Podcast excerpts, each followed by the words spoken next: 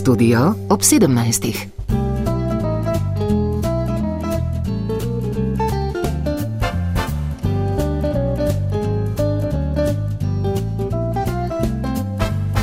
Spoštovani poslušalci, pozdravljeni, dobrodošli v tedenskem aktualnem mozaiku, kritičnem pregledu iztekajočega se tedna. Za mnoge je to zahtevno obdobje, ker se prepletata zaključevanje projektov, decembrski novoletni sprejemi in mrzlične priprave na praznični vikend in počitnice.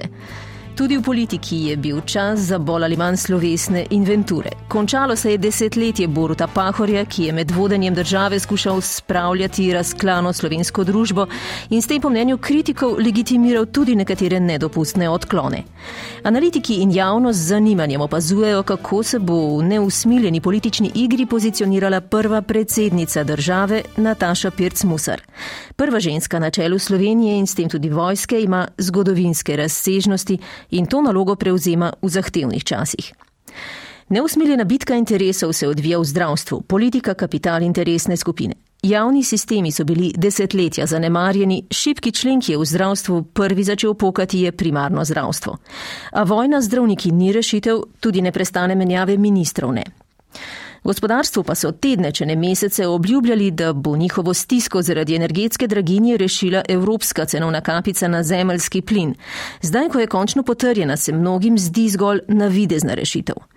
Je pa res že samo dejstvo, da so se članice Unije uspele dogovoriti nekoliko pomirilo finančne trge. Viru energetske krize vojni v Ukrajini pa tudi po desetih mesecih še ni videti konca. O razmerah in posledicah za ljudi in geopolitična razmerja se bomo pogovarjali z našo dopisnico iz Moskve. Izpostavili bomo tudi navdihujoče dosežke nagrajenih slovenskih znanstvenikov, zgodovinski globalni dogovor o ohranjanju biotske raznovrstnosti in se ob današnjem dnevu ustavnosti pogovorili s predsednikom ustavnega sodišča Matejem Mačetom.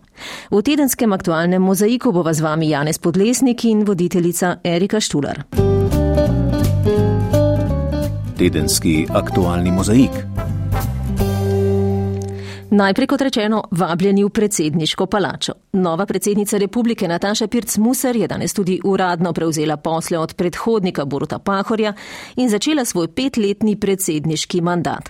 Ob zaprisegi v državnem zboru je zagotovila, da bo predsednica vseh državljank in državljanov. Da se je to trudil biti, je tudi ob odhodu iz predsedniške palače izpostavil Borut Pahor. Svoji naslednici Pircmucarjevi je zaželel uspešno delo v dobro vseh. Nova predsednica Nataša Pircmucar je sicer pred dnevi obelodanila imena svojih sodelavcev, ki bodo pomagali z nasveti. V ospredju bo učinkovita zunanja politika, socialna pravičnost in vključenost ter iskanje odgovorov na podnebna vprašanja. Podrobneje o tem Nataša Mulec. Tudi Nataša Pirc-Musar svoj petletni mandat predsednice republike kot njen predhodnik Borut Pahor začenja z obljubo, da bo predsednica vseh državljank in državljanov. Glede dnevne politike se Pirc-Musarjeva ne bo oglašala vsak dan, zagotovo pa se bo takrat, ko bodo kršene človekove pravice, vladavina prava ali demokracija. Vedno sem se in se bom zauzemala za pravno državo, vladavino prava temeljne človekove pravice in avtonomijo državnih podsistemov. Policija, vojska, diplomacija, zdravstvo in šolstvo so naša lastnina. Zato nam mora biti še kako mar, kako se s temi podsistemi ravna. Vsi moramo vedeti, kje se politika mora ustaviti in vsak dan znova se moramo zavedati, da podsistemi služijo predvsem nam, prebivalkam in prebivalcem, in ne oblastnikom. Da jo bo prva pot v tujino vodila v države Zahodnega Balkana, je nova predsednica republike že napovedala, kot tudi, da bo vse sile napela pri aktivnostih za kandidaturo Slovenije za nestalno članstvo v varnostnem svetu. Prav tako se nova predsednica Nataša Pirc-Musar zaveda, da je mandat začela v negotovih razmerah trenutka, ki ga živimo. Svet, v katerega vstopam kot vaša predsednica, ni prijazen. Na vzhodu Evrope divja vojna, za nami je poletje požarov in suš, v zimo vstopamo s tesnobo in hladnejšimi radiatorji. Izzivi so številni.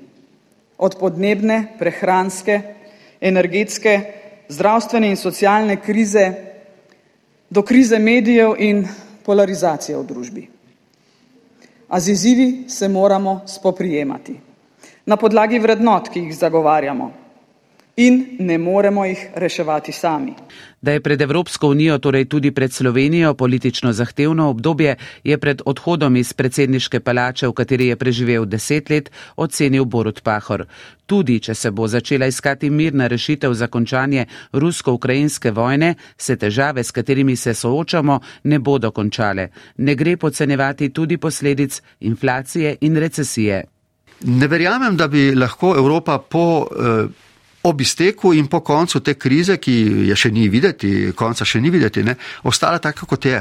Neke strukturne spremembe tudi v Evropski uniji se bodo nadaljevale. Recimo, mi bomo prišli enkrat do vprašanja, ali se bo odločalo za kvalificirano večino. O vprašanjih, o katerih sedaj vlada pravica veta. To za eno državo, kot je Slovenija, ni enostavno vprašanje. Mi smo relativno majhna država, veto nam varuje našo suverenost. Glede Zahodnega Balkana Pahor opozarja, da bo morala Slovenija Evropo prepričati še, da je treba gledati celotno regijo ne gre samo za Kosovo in Srbijo, ne gre samo za Bosno in Hercegovino, gre, gre tudi za Črnogoro, čeprav so njihovi problemi notranji problemi, ampak v bistvu sprožajo lahko geopolitične spremembe v celi regiji ne? in so simptomatični, ker prihaja tudi do morebitnega omešavanja tretje države, če, če veste, na kaj mislim.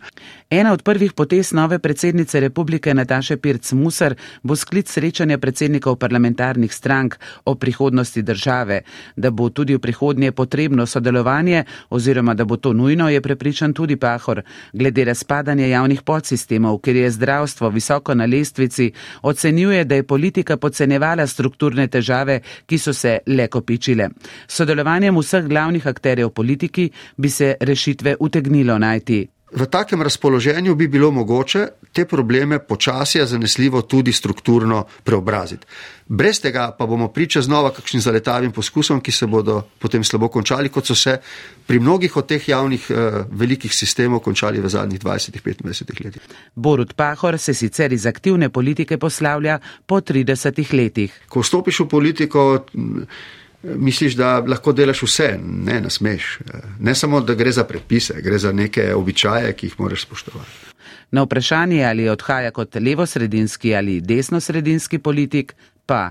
No, jaz, eh, se mi zdi, eh, to bo zdaj verjetno neka, neka nepotrebna izjava, mislim nepotrebna, ker je ne morem dokazati, niti sam sebi, ampak jaz sem se vedno imel za socialnega demokrata.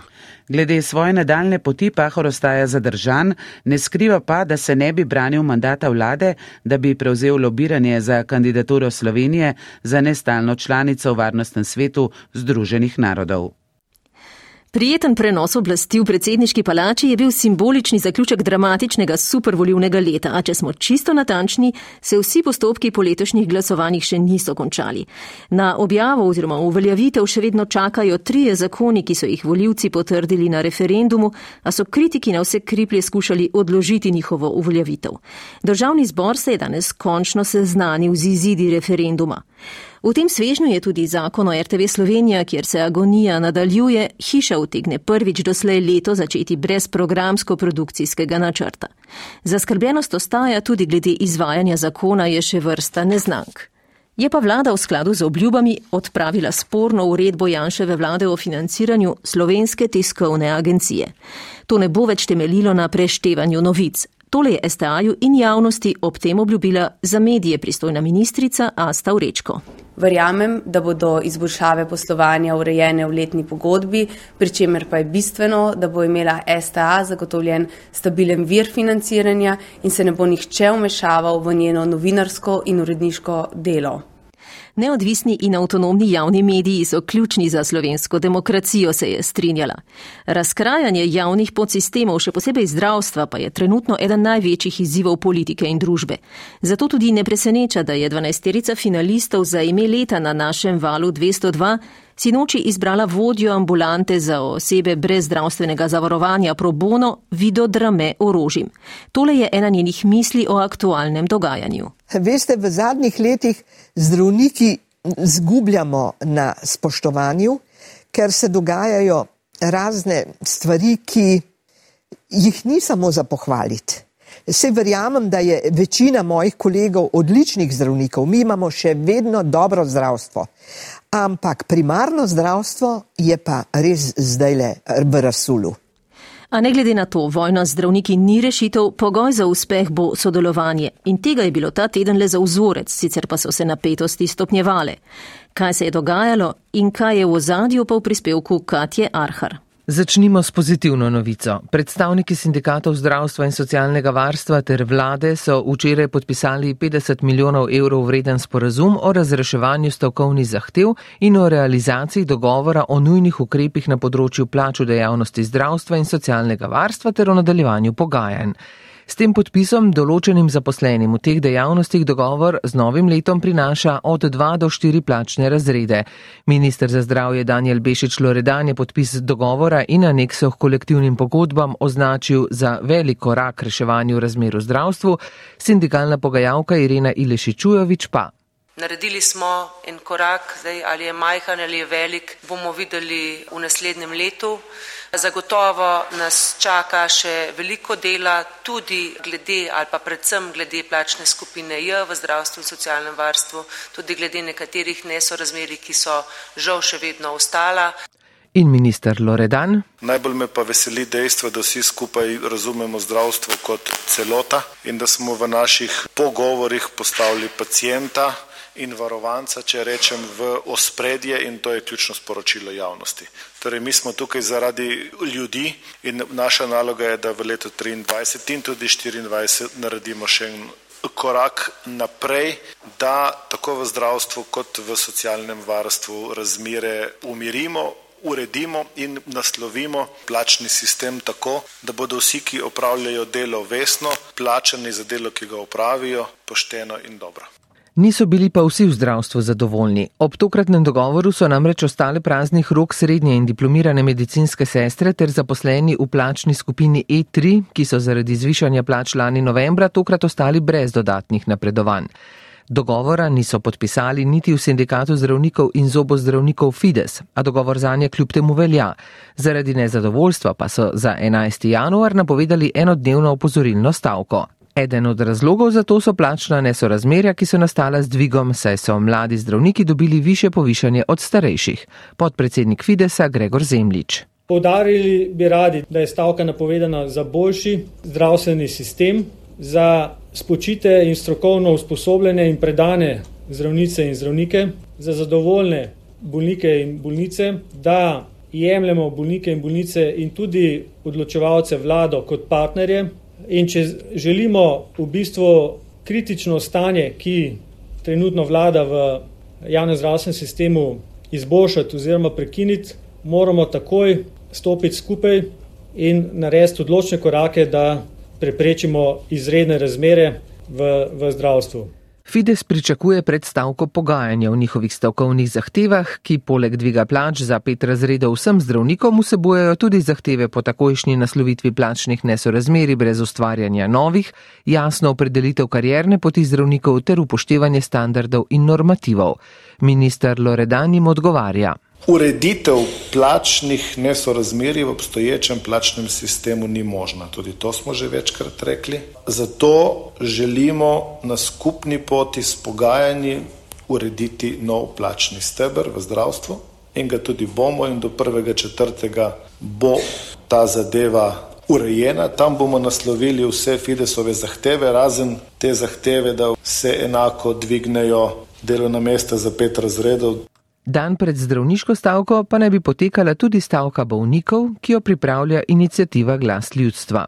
Vse večji problem je pomankanje družinskih zdravnikov, ki bežijo iz javnega zdravstva. Težave bodo predvidoma po 15. januarju blažile ambulante za neopredeljene, kjer bodo ljudje dobili vse storitve kot v zdravstvenih domovih, ne bo pa tam možno opredeliti osebnega zdravnika. Čeprav o pomankanju družinskih zdravnikov poročajo z vse Slovenije, pa je trenutno najbolj na očeh javnosti zdravstveni dom Ljubljana, odkud je odšlo že 33 družinskih zdravnikov, enoto v polju pa so morali začasno celo zapreti. Zaradi vse slabših razmer je Ministrstvo za zdravje odredilo upravni nadzor nad delovanjem zdravstvenega doma Ljubljana. Upravni nadzor je uveden tudi v zasebnem zdravstvenem zavodu Multimedicus, ki ima koncesijo, solasnica pa je direktorica zdravstvenega doma Ljubljana Antonija Popla Susič. Ministrstvo se je za nadzor odločilo kljub opozorilom ljubljanskega župana Zorana Jankoviča naj zdravstveni dom in njegovo direktorico pustijo pri miru, je pred dnevi pojasnil minister za zdravje Daniel Bešič Loredan. Na mestni občini Ljubljana pa so v odzivu zapisali, da je bila izjava župana izrečena, ko ga je minister pozval naj zamenja direktorico. Ta pri županu namreč naprej uživa polno zaupanje. V zdravstvenem domu Ljubljana so dodali, da je nadzor ministerstva sicer legitimen, a da zavračajo očitke o delni zaposlitvi direktorice Antonije Popla Susič v svojem zdravstvenem zavodu. Ta tam kot zdravnica dela zaradi zahteve po ohranitvi zdravniške licence. Iz enakega razloga zdravniško službo pri zasebniku sicer opravlja tudi minister za zdravje Bešič Loredan. Zapletenih in vse bolj zaostrenih razmer v zdravstvu verjetno prihodnje leto še ne bo rešilo. Kako pozdraviti skrhan sistem? Sistem, ki ga poganjajo ljudje za ljudi. Vsaka veriga je močna le toliko, kot je močan je najšipkejši člen. Šipkih členov v zdravstvu pa bo vse več, ukolikor ne bo sprememb. Te pa potrebujejo svoj čas. Upamo lahko le, da bo veriga zdržala. Tudi v zdravstvu pa razmere še dodatno zapleta energetska draginja. A za te javne ustanove in gospodinstva je vlada že pred časom sprejela blažilne ukrepe, gospodarstvo pa je moralo počakati na evropski dogovor. Energetski ministri članic Unije so v ta teden dosegli kompromis o cenovni kapici za plin, včeraj so ga s kvalificirano večino tudi uradno potrdili.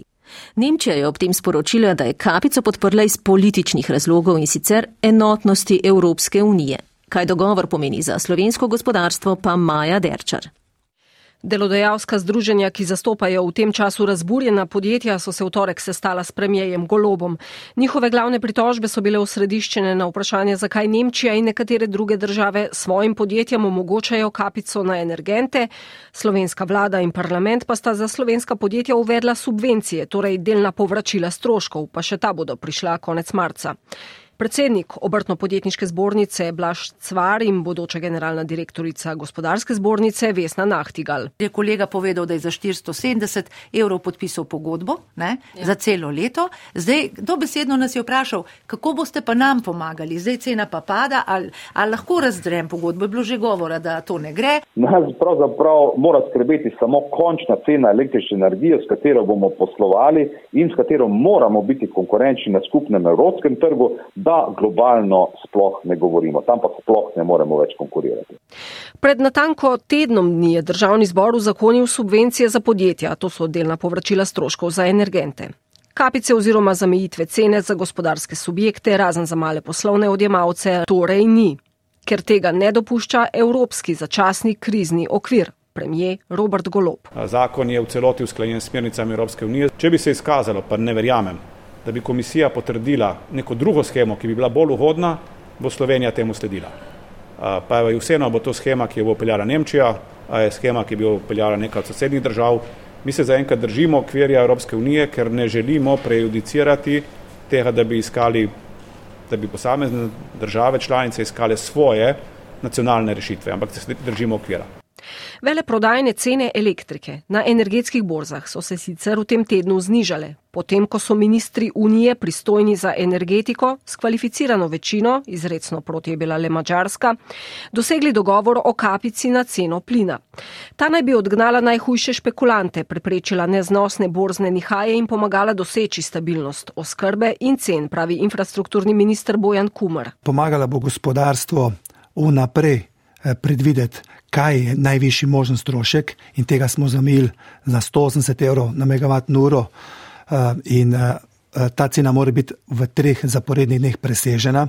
Hkrati je dodaten pogoj, da ne bo oskrba motena še 35 evrov kot razlike med košarico vseh indeksov LNG signalov oziroma terminalov. Eh, zato, da bo Evropa še vedno privlačila zemljski plin in ga nadomeščala z LNG plinom na mesto ruskega plina. Po dogovoru o kapici, ki bo začela delovati šele sredi februarja, so kot omenjeno borzne cene elektrike padle. Skupaj s subvencijami to pomeni, da bi bila naša podjetja v primeru nadaljevanja takšnega trenda deležna končno sprejemljivih cen. Vendar pa so mnoga med njimi pogodbe sklenila v začetku decembra v času visokih cen zdaj iščejo rešitve za nje, pravijo v gospodarski zbornici. Poleg tega je vlada obljubila, da bo gospodarstvu prišla naproti s časovno uskladitvijo zapadlosti faktur za energijo in zapadlostjo subvencij, kar bi zagotovilo likvidnost podjetij. Teden je prinesel še vladno regulacijo zemljskega plina in elektrike za občine, javne zavode, javne agencije in sklade, torej tudi za gledališča, RTV, zdravstvene domove, vrtce, šole, tudi zasebne izvajalce javnih programov in pa občine. Mestna občina Ljubljana bo tako privrčevala 7,4 milijona evrov. V Molu so na naše vprašanje, ali je regulacija pravočasna, odgovorili bolje pozno kot nikoli. Bolj smiselno pa se jim zdi, da bi bila uredba za javne zavode in občine sprejeta že v septembru oziroma novembru, kakor je bilo to sprejeto za ostale regulirane skupine, torej za gospodinstva in mali poslovni odjem. V Združenju občin Slovenije in skupnosti občin Slovenije, kjer so z vlado oktobra izpogajali povprečnino za prihodnji dve leti v višini 700 evrov, pa obžalujejo, da regulacije niso deležna tudi javna gospodarska podjetja, med njimi komunale, ki bi še marsikje utegnile prevaliti više stroške elektrike na gospodinstva oziroma odjemalce, ali pa bodo na pomoč klicala ustanovitelje, to je občine. Kočevski župan Vladimir Prebilič. Ta trenutek zdaj vidimo, kam, če po domače povem, pes taco moli. Čeprav na prvi pogled gre 700 evrov prebivalca veliko, zdaj že ugotavljamo, da s tem zneskom nikako ne bomo mogli pokriti vseh izdatkov, ki jih skladno z zakonom o lokalni samoupravi občine moramo izvajati. Predvsem imam v tem kontekstu v mislih eh, javne gospodarske službe oziroma podjetja, ki jih občine ustanavljamo za izvajanje tistih kritične, tiste kritične infrastrukture, eh, ki je za prebivalce še kako pomembna. Govorimo o odvozu smeti, govorimo o eh, prečiščevanju odpadne vode, govorimo o vodo, skrbi in vsem ostalim. Ti sistemi, so, eh, ki smo jih gradili, mimo grede tudi s kohezijskim denarjem v preteklosti, so energetsko potratni v narekovajih, zlasti kadar se pogovarjamo o energiji v, v obliki elektrike. Predstavniki občin sicer želijo, da bi se vlada z njimi prej pogovorila o stroških in regulaciji cen.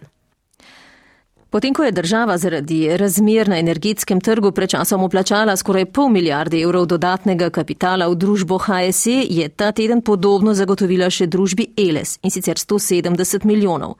Kot je pojasnil finančni minister Klemen Boštjančič, je namen naslednji da Eles izkoristi trenutne ugodne razmere, poleg dnevnih nakupov na borzi električne energije, da se čim prej pokrije čim večji delež celotnega portfelja potrebne električne energije za prenosno in distribucijsko omrežje za leto 2023 ter sorazmeren delež tudi za naslednja leta. Zaradi šibke likvidnostne situacije družbe Eles, visoko zadolžitev zaradi zaključenega investicijskega ciklusa potrebujejo dodatna finančna sredstva strani ustanovitelja, saj pri finančnih institucijah nima možnosti dobiti potrebnih finančnih sredstev v zahtevanem obsegu in v zahtevanem časovnem okviru. Zahtevke do države pa ima še vedno tudi Petrol. Za torek je na zahtevo skoraj deset odstotnega lastnika Darja Južne sklicana skupščina, da bi pritisnili na državo za povračilo škode nastale Petrolu spomladi v času Janševe vlade. Takrat je bil Petrol prisiljen prodajati gorivo zunaj avtocest po zamejenih cenah nižjih celo od nabavnih cen. Ocenjujejo na 110 milijonov evrov. Vlada še ni odločila o nadomestilu. Predsednica Petrolove uprave Nada Drobne Popovič pa je pred časom za naš radio povedala. Jaz sem tukaj optimistična, ker verjamem, da mi prihajamo v neko energetsko krizo. In jaz verjamem, da tako kot Petrol rabi državo, da sprejema pametne regulacije, rabi tudi država Petrol, da ima ob sebi energetsko družbo, ki bo v tej energetski krizi sposobna suportirati prebivalstvo in industrijo. Energetske težave Evrope so posledica ruskega napada na Ukrajino in vojne na tem območju. Del te hibridne vojne ni le prizadeti in ošibiti evropsko gospodarstvo, Rusija brezsramno in neposredno z brezpilotnimi letalniki uničuje ukrajinsko energetsko infrastrukturo. Tudi ta teden je bil med tarčami tudi Kijev. Kaj se dogaja ob koncu desetega meseca vojne v Ukrajini ter kaj pomenita sočasna obiska ukrajinskega predsednika v Washingtonu in ruskega predsednika v Pekingu, nam bo pomagala razumeti naša dopisnica iz Moskve Vlasta Jeseničnik. Pozdravljena. Dobar dan želim. Vlasta, kakšna je zdaj po desetih mesecih ocena vojaškega napredovanja ruske vojske v Ukrajini, koliko Rusija dejansko dosega cilje, ki si jih je postavila eh, in koliko gre pri teh ocenah zgolj za vojno propagando?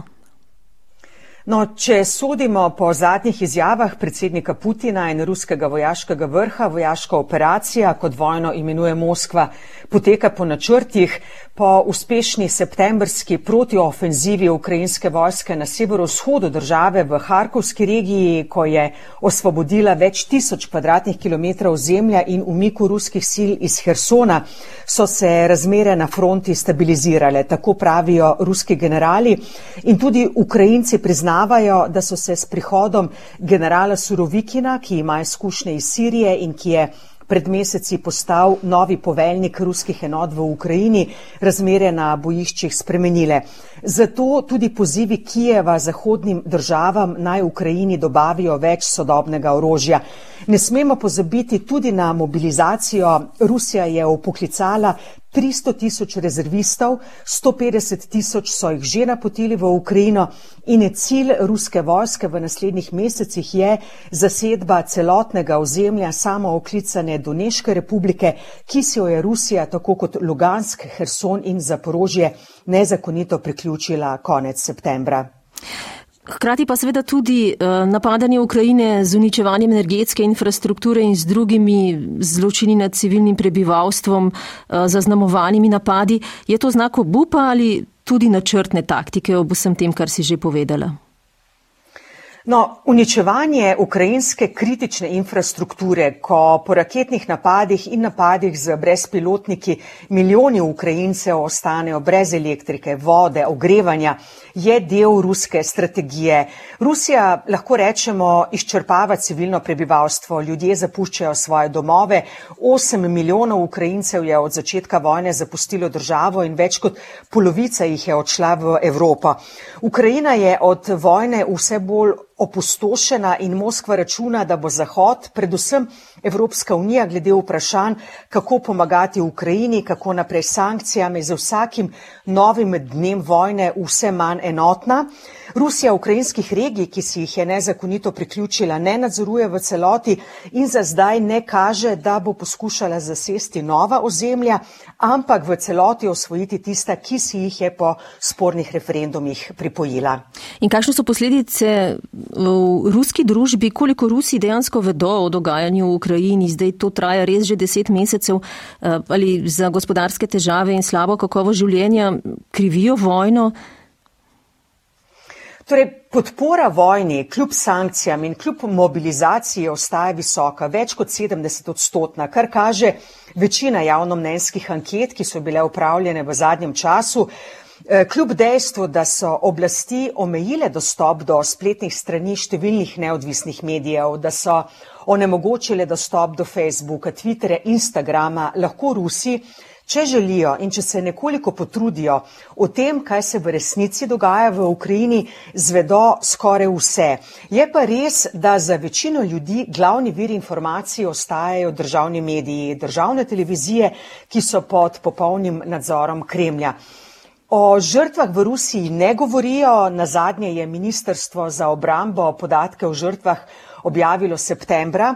Ubitih naj bi bilo približno 6 tisoč ruskih vojakov, medtem ko je po podatkih generalštaba ukrajinske vojske ta številka bistveno večja.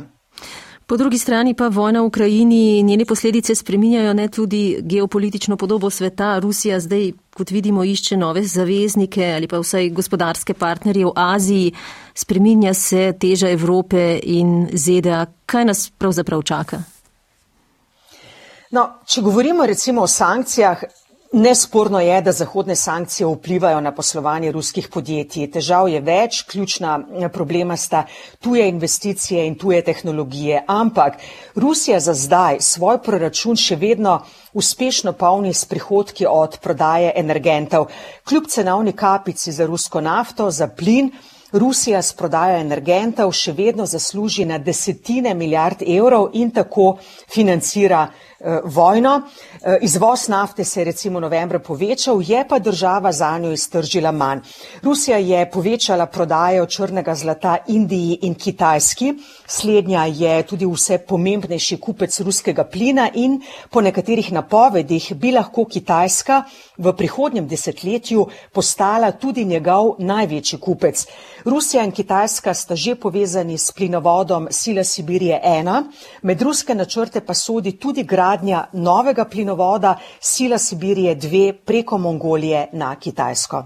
Ali je sploh vlast kjerkoli, kakorkoli videti možnost končanja vojne? Očitno se niso zmogli dogovoriti niti o božičnem premirju. Vojni ni videti konca, Kijev je glede pogojev za začetek pogovorov o prekinitvi spopadov in potem korakov, ki bi pripeljali do pravičnega miru jasen in sicer vzpostavitev ozemeljske celovitosti Ukrajine, povračilo odškodnine za vso škodo in pa varnostna zagotovila. Zdaj Moskva odgovarja, da mora Kijev upoštevati novo realnost in štiri regije, ki si jih je priključila priznati kot ruske. Je pa ta vojna, ki se je razpremtela na našem, na evropskem kontinentu, pokazala, da so najpomembnejši zaveznik Ukrajine Združene države in ne Evropska unija in to je potrdil tudi obisk ukrajinskega predsednika v Beli hiši ta teden. Združene države so uh, Ukrajini zagotovile že za približno 50 milijard dolarjev humanitarne, finančne in vojaške pomoči. Dobro, vlasta, najlepša hvala za ta pojasnila in srečno v Moskvo. Tedenski aktualni mozaik.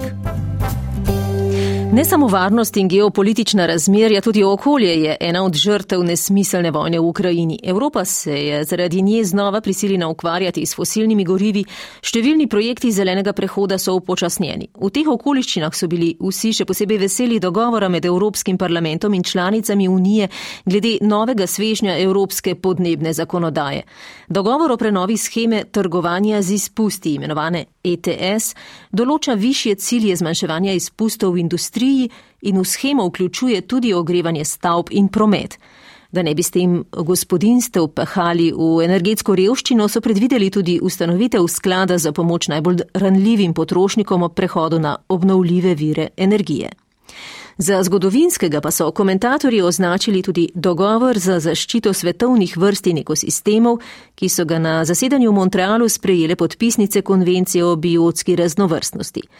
Do leta 2030 naj bi 30 odstotkov površin uživalo posebno zaščito, zaščitene pa naj bi bile tudi pravice avtohtonih prebivalcev kot upraviteljev zemlišč. Dogovor je pomemben korak, vendar pa bo tudi tu vse odvisno od tega, kako ga bodo podpisnice izvajale, opozarja naša komentatorka Špela Novak. V razmerah, ko podnebna kriza vse bolj uničujoče vpliva na našo vrsto, pozabljamo na vplive, ki ga imajo segrevanje ozračja in posledično kisanje oceanov, pa tudi druge posledice človeških dejavnosti na druge vrste. Najhitreje izumirajo žuželke in sicer tako hitro, da jih bo, če se bo nadaljeval sedanji trend, čez 50 let pol manj kot danes, čez 100 let pa bi lahko povsem izginile. Glavni razlog je intenzivna raba pesticidov. Zaradi izginjanja žuželk na to izumirajo tudi vrste, ki se hranijo z njimi, od ptic, plazivcev in dvoživk do rib. Ptice hitro izginjajo tudi zaradi krčenja gozdov. V oceanih je danes toliko plastičnih odpadkov, da so ogrožena življenja številnih živali. Še veliko bolj pa življenje v morjih uničuje globalno segrevanje. Oceani upijajo ogromne količine oglikovega dioksida, voda v njih je že za tretjino bolj kisla kot pred 200 leti. V teh razmerah bodo uspevale le še nekatere vrste. Za druge je že nastopil začetek šestega množičnega izumiranja, za katerega je za razliko od prejšnjih odgovorna ena vrsta - človek. Dogovor iz Monreala predvideva zaščito 30 odstotkov površin zemlje do leta 2030. Ob tem pa upošteva tudi bojazni staroselskih ljudstev, ki so opozarjala, da status posebne zaščite ozemelj v praksi veliko krat pomeni, da jih v imenu tega statusa države preženejo z območja, na katerem živijo in za katerega tudi skrbijo. Uh,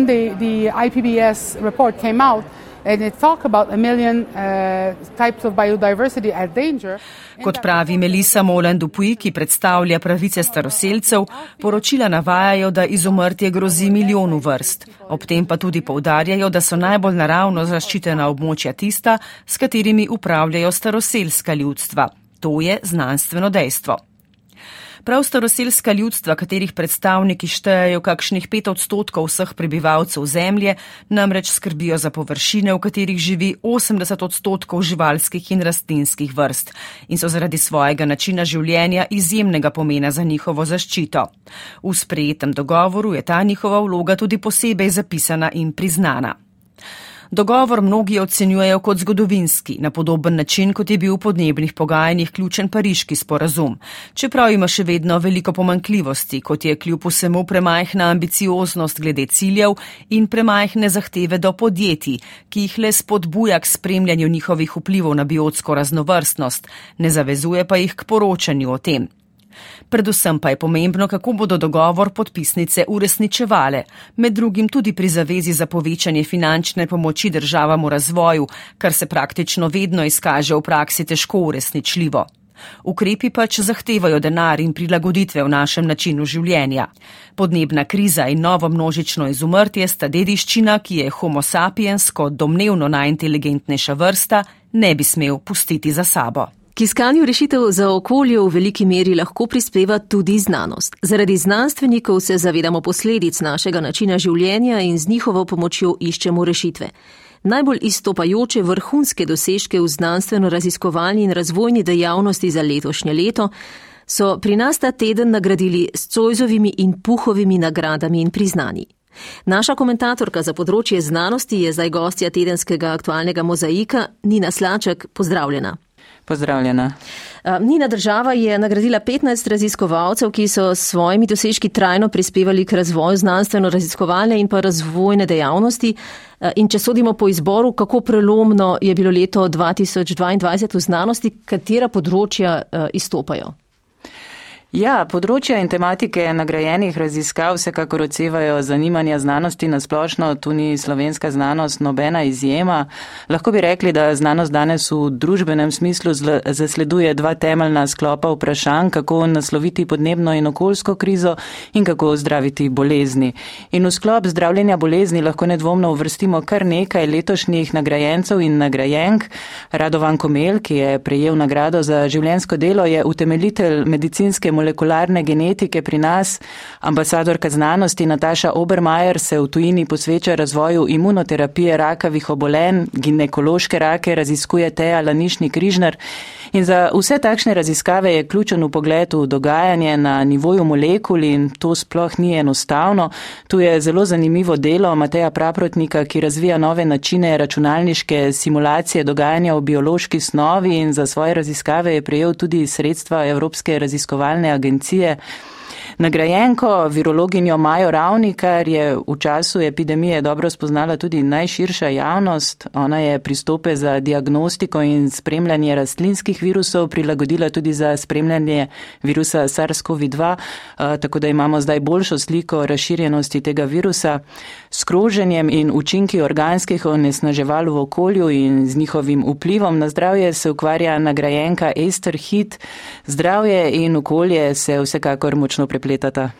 Tudi eh, predsednica državnega zbora Urška Klakočar Zupančič je eh, na podelitvi povdarila, da znanstveniki niso le ljudje, ki ustvarjajo v nekih eh, svojih zaprtih laboratorijih, ampak njihovi dosežki prežemajo vsakdanjik.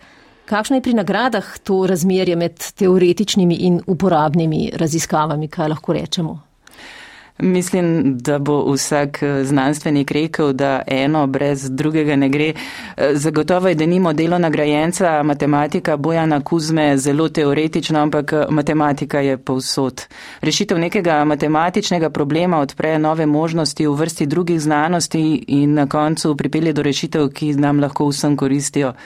Načeloma so seveda Cojzove nagrade in priznanja namenjene za temeljne raziskave, puhove pa za konkreten produkt in Cojzovih je precej več. Ampak treba je raziskovati za prihodnost. Eh, del, delo roka žitka, recimo, ki je zelo teoretično, se neposredno tiče kvantnih tehnologij, za katere je že danes povsem jasno, da bodo ena temeljnih tehnologij prihodnosti. In da je potrebno razvijati nova znanja za naprej, je povsem nazorno jasno, če pogledamo eno temeljnih tehnologij sedanjosti, umetno inteligenco, na kateri slovenski znanstveniki in znanstvenice delajo že desetletja. Nagrajenka Nada Laurač je recimo razvila nove metode strojnega učenja, ki so danes že v konkretnih aplikacijah v medicini in bioinformatiki.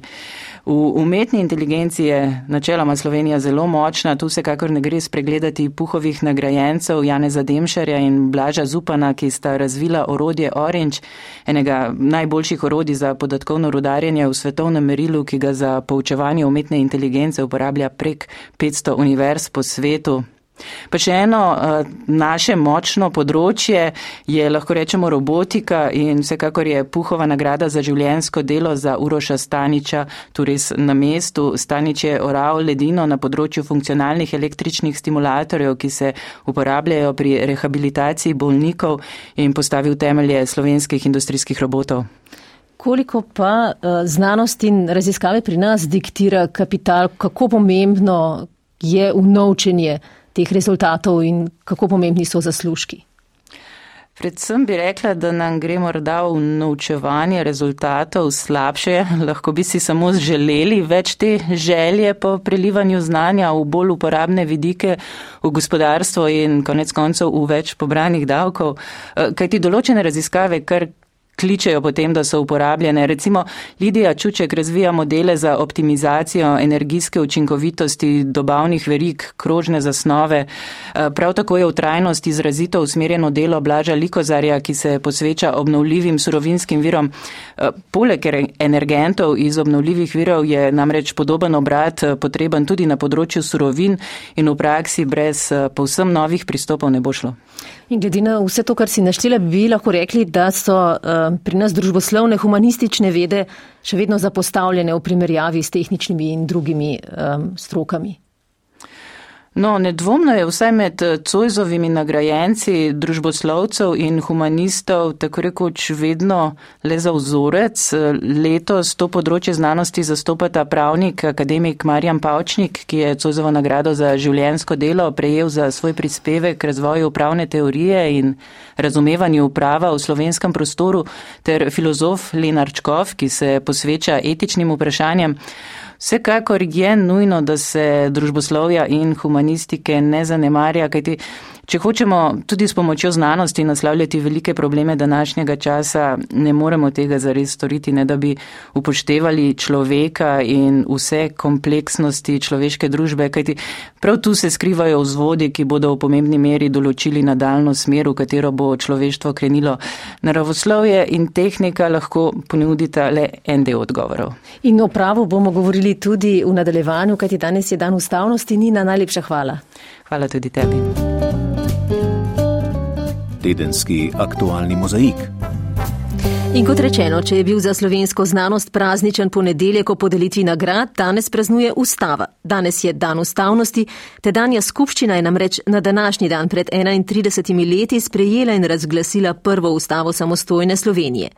Ta dan je tudi opomnik, da je dožnost in naloga spoštovanja ustavnega reda prisotna vse čas. Je v pogovoru z Jolando Leber ob tej priložnosti povdaril predsednik ustavnega sodišča Matej Ačeto. V 31 letih je bilo na področju ustavnosti in razumevanja ustave prehojene veliko poti in postavljenih in zgrajenih veliko standardov, je na začetku pogovora dejal predsednik ustavnega sodišča Matej Ačeto. Veliko poti je bilo prehojene, tako da veliko standardov pri nas je že izgrajenih, naši predhodniki so jih izgrajevali, mi smo jih dopolnjevali, nove izgrajevali. Um, vsako leto se pojavi kakšen nov povdarek, kakšna nova vsebinska nadgradnja tega, na kakšen način je treba razumeti ustavo kot našo vredno, vrednotno in organizacijsko podstat. Ustavno sodišče se že vrsto let spopada z enako težavo, prevelikim pripadom in kopičenjem zaostankov. Politiki se ne uspe poenotiti o tem, da bi ustavnim sodnikom prepustili izbiro zadev, o katerih bodo vsebinsko odločali. Morda smo na nek način, če želimo pogledati na to z pozitivnega zornega kota, talci pomena, ki ga ustavno sodišče gotovo ima.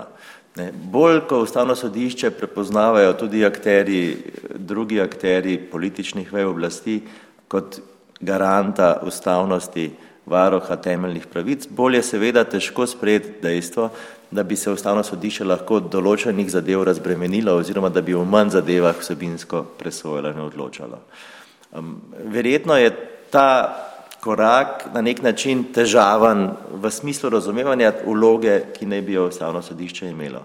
Po drugi strani pa mislim, da je iz leta v leto več razlogov za to, ne samo zato, ker je pripad vedno bolj kompleksnih zadev tak, da bremeni delo ustavnega sodišča, da prihaja do velikih zaostankov in da, kot sem že nekajkrat povdaril, v želji, da bi reševali vse zadeve, pretimo priti do situacije, ko vsaj v razumnem času ne bomo mogli rešiti nobene in bodo vse rešene z veliko zamudo. Ustavni sodniki smo si enotni, povdarja Ačeto, načel pravne države se ne sme krniti niti v času kriznih dogodkov. Izpostavlja čas epidemije COVID-a, ko je bilo spoštovanje pravne države pogosto postavljeno pod vprašaj. Zdaj se špečemo še toliko bolj potrjuje, ker je tudi v vsem tem obdobju v mednarodni pravni skupnosti bilo veliko razprave o tem, ker so se z enakimi težavami soočali povsod po svetu in povsod po svetu tudi iskali ravnovesje pri ukrepih, ki so posegali v temeljne pravice. In sporočilo, malo da ne vseh sodišč je bilo enako. V takih primerih je treba vendarle paziti, tudi v času kriznih dogodkov, tudi v času posebnih razmer, ki terjajo um, ukrepanje v takšni negotovosti, kot jo je bilo primorano tudi v Sloveniji um, ne, sprejemati, se pravi, ukrepi, za katere ne veš povsem točno, kako učinkoviti bodo ali naslavljajo večjo, manjšo grožnjo v posameznem trenutku, pa vendarle želiš in moraš ukrepati. Tudi v teh primerih vedno znova povdarjam, pravna država ni bila ovira, ampak je bila urodje in pomembna um, prvina, ki jo je bilo treba upoštevati pri iskanju najustreznejših ukrepov. Krizne razmere so torej tiste, v katerih je spoštovanje temeljnih pravic še posebej pomembno. Že temeljne pravice niso namenjene tistim situacijam, ki niso problematične, ampak ravno tedaj, ko jih je spoštovati in udejanjati težko. Um, in pravna država enako. Ne? Pravna država, ki nas naslavlja vse, v prvi vrsti pa seveda nosilce oblasti, terja od nosilcev oblasti, da delujejo v mejah zakona ravno zato, ker so to tiste varovalke, ki skrbijo, da z slabimi ali najboljšimi nameni ne um, prekoračijo meja dopustnega, želenega, um, dobrodošlega delovanja oblasti. Po besedah predsednika ustavnega sodišča Mateja Četa bi moralo zato biti ključno sporočilo današnjega dneva ustavnosti, da ustava kot katalog temeljnih pravic ni samo garancija, ki nam nekaj daje, ampak tudi zaveza, ki od nas nekaj terja. S tem dnevom ustave, s tem praznikom ustave, stopamo tudi v praznični vikend in počitniški teden. Božično vzdušje pa je tokrat zagrenil eden največjih spolnih škandalov v njegovem središču je pater Marko Rupnik. Tudi če so v ozadju res boj med različnimi strujami v katoliški cerkvi, to ne zmanjšuje teže obtož po domnevnih spolnih in psihičnih zlorabah redovnic pred 30 leti in zlorab zakramenta sprave. Slovenski škofje so se sestali na izredni seji zaradi tega in sprejeli enotno stališče, je pojasnil predsednik Slovenske škofovske konference Andrej Saje. Želimo podariti, da žrtve nikoli niso krive. Smo na strani žrtev.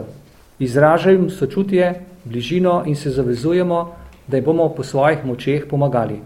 Škofje so javnost tudi pozvali naj ločuje med rupnikovimi, kot so se izrazili, nedopustnimi dejanji in njegovim izjemnim duhovno-umetniškim opusom.